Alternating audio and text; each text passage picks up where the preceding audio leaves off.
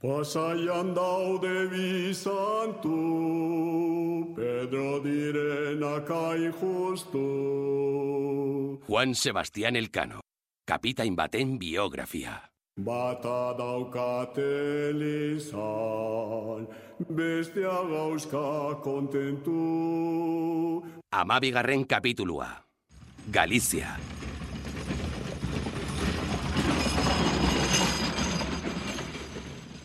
Egunero, dozenaka gurdi iristen ziren koruñako portura. Argin lanetarako harriekin, eta kontseiluak ordaindutako egun bat gizonek, kaiak eta gotorlekuak egokitzeko erabiltzen zituzten. Espezien negozioa hartzeko privilegioagatik iria koroari ordaindu beharreko prezioaren parte bat zen. Espediziorako ardoa, laureun mila litro betanzos eta ribadabia herrietan erosi zuten. Ura berriz, ardoaren kantitate erdia kargatu zuten. Garia ugaria zen Galiziako erresuman, eta emakumeek eotu eta landu ondoren preste goten zen, zenbait zati emperadoreari ere bidali zizkioten. Galiziako nabigatzaileen arabera, olagarroa zen gizonen mantenurako arraintziku honena, eta Juan Sebastianek berak jateko ere hartu zituen. Gaixoak zaintzeko, dilistak, maspasak, aran lehorrak eta azukrea ontziratu ziren. Horrezkain, gatz asko generaman, bidaian eskuratutako aragia eta arraina konserbatzeko. Amabi beirekin zezina egin zuten kapitainentzat eta ofizialentzat, eta gainerako entzat, jende arruntarentzat, irugiar gazitua zegoen. Dena egurrezko upeletan sartu zuten, ongi babestuta. Navigazio handietarako Portugaldarrek egiten zuten bezala. Hau da, ongi soldatutako metalezko ustai lodiekin indartzen zituzten upelak, bidaiaren gogortasunaren ondorioz, upa olak desegin ez zitezen. Kapitain generala, Fray García de Loaiza, San Joanen ordenako zalduna zen. García Jofre de Loaiza, izendatu zuten kapitain general. Etxe honekoa izateak lagonduta. Hala, Juan Sebastián Elkanori ukatu zioten postua, lortu zuen. Juan de Cartagenarekin gertatutakoa berriro gerta etzedin, agintearen ondoren gotza urrenkera sekretupean gordezen, zigilatutako dokumentu batean zigilua eskribaua kurratuko zuen, baimena soilik kapitan generala hilezkero. Jarraibideen arabera, espedizioa esperantza honeko lurmuturretik barrena joango zen, baina beharrezkoa iritziz gero, norabidea aldatzeko baimena zuten. Juan Sebastianek baldintza hauek lortu zituen erregearen gandik. Mila dukateko soldata bidaiagatik eta hogeita markintal espezia ekartzeko eskubidea guztira milioi bat euro baino gehiago. Zenbateko hori biziarteko pentsioari batuz gero, ondoen ordaindutako profesionaletako bat zela ziurta dezakegu. Bidaian zortzi esklabu ekartzeko baimena ere lortu zuen. Juan Sebastianekin Espainiara iritsi zen indigenetako bat gutxienez, haren erregeak bidali zuen, Europako espezien negoziazioa bertatik bertara ezagutzeko. Etorritako indioetako bat os azkarra zen. Bai Sevillan, bai Valladoliden botiketara joaten zen, eta espezia gurean zer balio zuten jakiten zuen. Hainbeste ikasi zuela ikusita, indietako kontseiluak zuhurtasunez itzulerako bidaia egitea debekatu zion. Beraz, Espainian geratu behar izan zuen. Andrade kondeak erregearen izenean zina hartu zion kapitain generalari, eta gero kapitain generalak berak hartu zion Juan Sebastiani. Juan Sebastian Elkano kapitaina, zin egiten diezu gure jainko jaunari, haren ama Santa Mariari eta Evangelio Santuaren liburu honetan jasotako hitz santuei, bai eta eskuineko eskuan daukazun gurutzeari ere, leiala, esanekoa eta arduratsua izango zarela. Galdetu ala ez, aholku emango didazula, aseratu egin naitekela pentsatu arren. Ez didazula ezer eskutatuko, ez eta matxinadarik, Iskanbilarik, zalapartarik eta konplotik eragingo ere, eta gau eta egun nire banderari jarraituko diozula. Bai, zin egiten dut.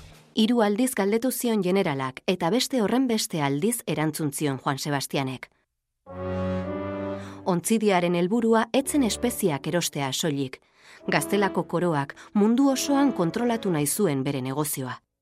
Ez da komeni espezia kristau herrietako beste inoren eskuetan egotea. Gure majestate emperadorearen esku soilik egon behar dute.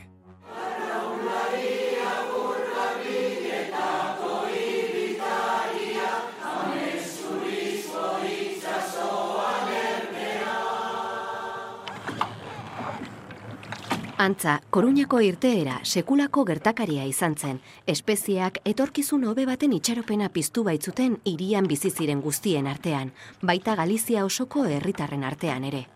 Ontzidia lareunda berrogeita margizonek osatu zuten. Itxas gizon eta soldadu ezkain, ofizio guztietako profesionalak zeuden, baita arribitxien aditu bat ere. Martin Uriarte espedizioko eskifaiak idea konela idatzi zuen. Jainkoaren eta gure Andre Maria Virginaren izenean. Don ejakoeren egunaren bezperan, egun argitu baino lehen, koruñatik finisterre lur muturrerantza biatu ginen. Goizeko iruretan utzi zuten portu ederrura. Ontzidiko trompeta eta tamborrotxak eta apostoluaren jaieguna iragarriz, iritik entzuten ziren kantuak nahasten ziren. Aurre ikusi bezala, ustailaren hogeita bostean, ontzidia finisterre lurmuturraren aurrez aurre ipini zen. Apostoluaren ohorezko salbak bota zituzten.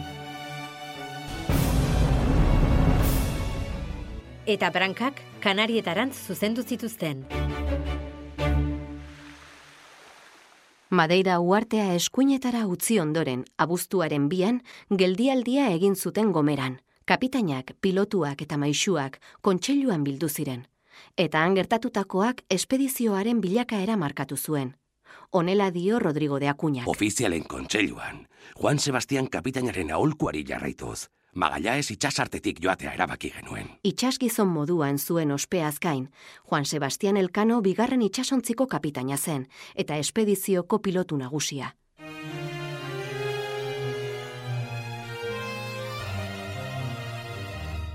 Mundua zirkumnabigatu zuen lehena izan eta gero, beste helburu batzuk zituen.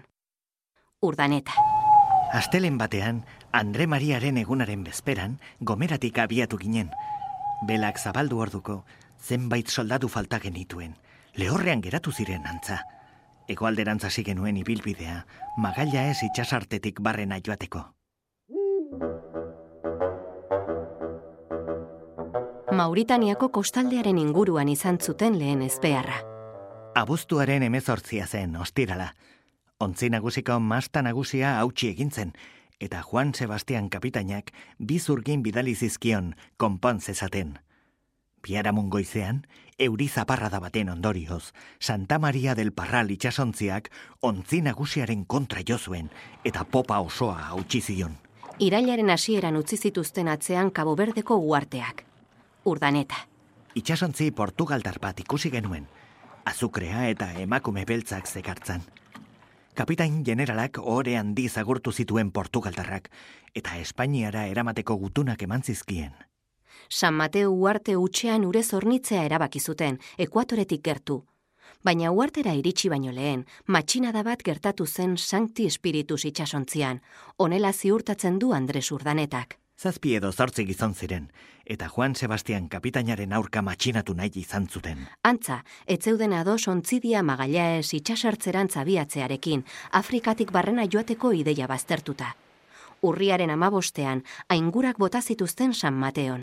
Laranjak, palmondo nanoak, olioak eta usapalak aurkitu zituztenan, eta erru zarrantzatu eta izatu zuten.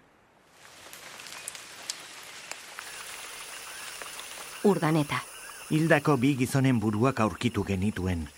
Eta, zuaitz batean, portugesez idatzitako hitz batzuk ikusi genituen. Honela zioten. Hemen hiltzen, Juan Ruiz doakabea, merezi zuelako. Zori gaitza haien bila zebilen. Andres Urdaneta. Arrain eder eder bat arrantzatu zuten. Eta kapitain generalak, zenbait kapitain eta erregearen ofizial batzuk gonbidatu zituen. Arrainura jantzuten guztiak gaixotu ziren. Berakoa eman ziren. Hil egingo zirela uste genuen, baina egun gutxiren buruan sendatu ziren. Pozoien kontrako antidoto batekin tratatu zituzten, eta denboraldi batez sintomak desagertu ziren.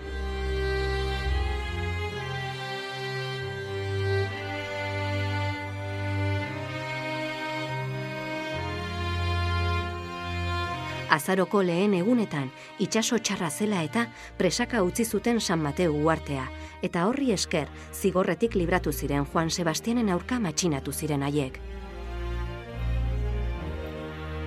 Eguberri egunean, espedizioko itxasontziek begien bistatik aldu zuten ontzi nagusia, eguraldi txarraren ondorioz. Jarraibideen arabera, bidaiarekin aurrera jarraitzera behartuta zeuden. Juan Sebastianek ordea, ez patuaren mende utzi nahi. Hiru egunez, bolinara joan ziren, alde batera eta bestera, baina Victoria itxasontzia etzen agertu. Azkenean, beren bideari jarraitu zioten itxaserterantz. Egunero ikusten genuen arrantzaleku bat. Ederrenetan ederrena. Izan ere, sardinak baino arrain handiagoak daude bertan. Egalari esaten zaie. Eta saguzarren antzeko egoak dituzte. Badira izurdeak bezain handiak diren beste arrain batzuk ere. Egaluzeak. Uretatik kanpora salto egiten dute. Eta egalariei segika ibiltzen dira airean atzematen dituzten arte. Era berean, badira arrain egalariak airean harrapatzen dituzten egaztiak ere eta arraine galariok batetik eta bestetik iesi, itxasontzi barrura erortzen ziren azkenean, eta guretzat hartzen genituen. Mila bosteun eta hogeita zeigarren urtea hasi berritan, Juan Sebastian buruzuen ontzidiaren zati handiena Santa Cruz ibaiaren parera iritsi zen. Antxe bertan ondoratu zen Santiago itxasontzia aurreko espedizioan. Urdaneta. Eta Santa Cruz ibaiaren ingurura iristen ari ginela, Juan Sebastian kapitainak beste itxasontzietako kapitainekin hitz egin zuen.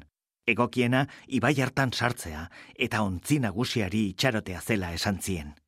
Beste kapitainek ordea, adierazi zuten itxasertera iristeko bidaia luzatzen ari zela, eta etzela zentzuzkoa denbora gehiago galtzea. Beraz, Juan Sebastianek onartu egin behar izan zuen. Santiago itxasontzi txikiena utzi zutenan, Loaiza kapitain generalari itxaroten, eta gainerakoek aurrera jarraitu zuten. Urtarrilaren amalauan igandea, itxasartearen sarreraz nahasi ziren, eta ondoa jo zuten ibai baten ahoan. Itxasartearen egiazko sarrerara iritsi baino hogeita mar bat kilometro lehenago. Egiazko sarrera ura hain zuzen, Virginen lurmuturrak iragartzen zuen.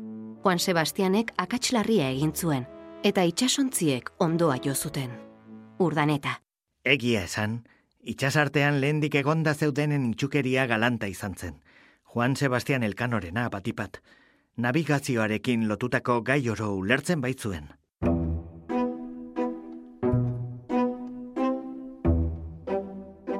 Juan Sebastianek ardura gabekeria handia egin zuen, gehiagizko konfiantzak bultzatuta agian. Urdanetak azaltzen duenez, nahikoa zuen zunda botatzea, muturrean gantzapur bat jarrita, ondoan loia zegoela jabetzeko. Horrek agerian utziko zuen ibai baten ustubidearen aurrean zeudela, ez itxasarte baten aurrean.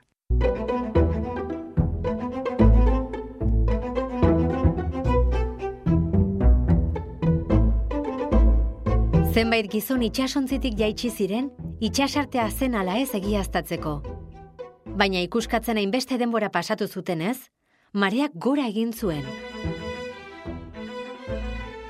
Horren bestez, Juan Sebastianek itxasontziak babestea erabaki zuen. Eta itxaso zabalera atera ziren. Azkenean, iluntzean, birkinen lurmuturraren beste aldean agertu ziren nahi duenak egon alai, ardoa eskatu lasai, naparretik badagota, atzerrikotik ebai.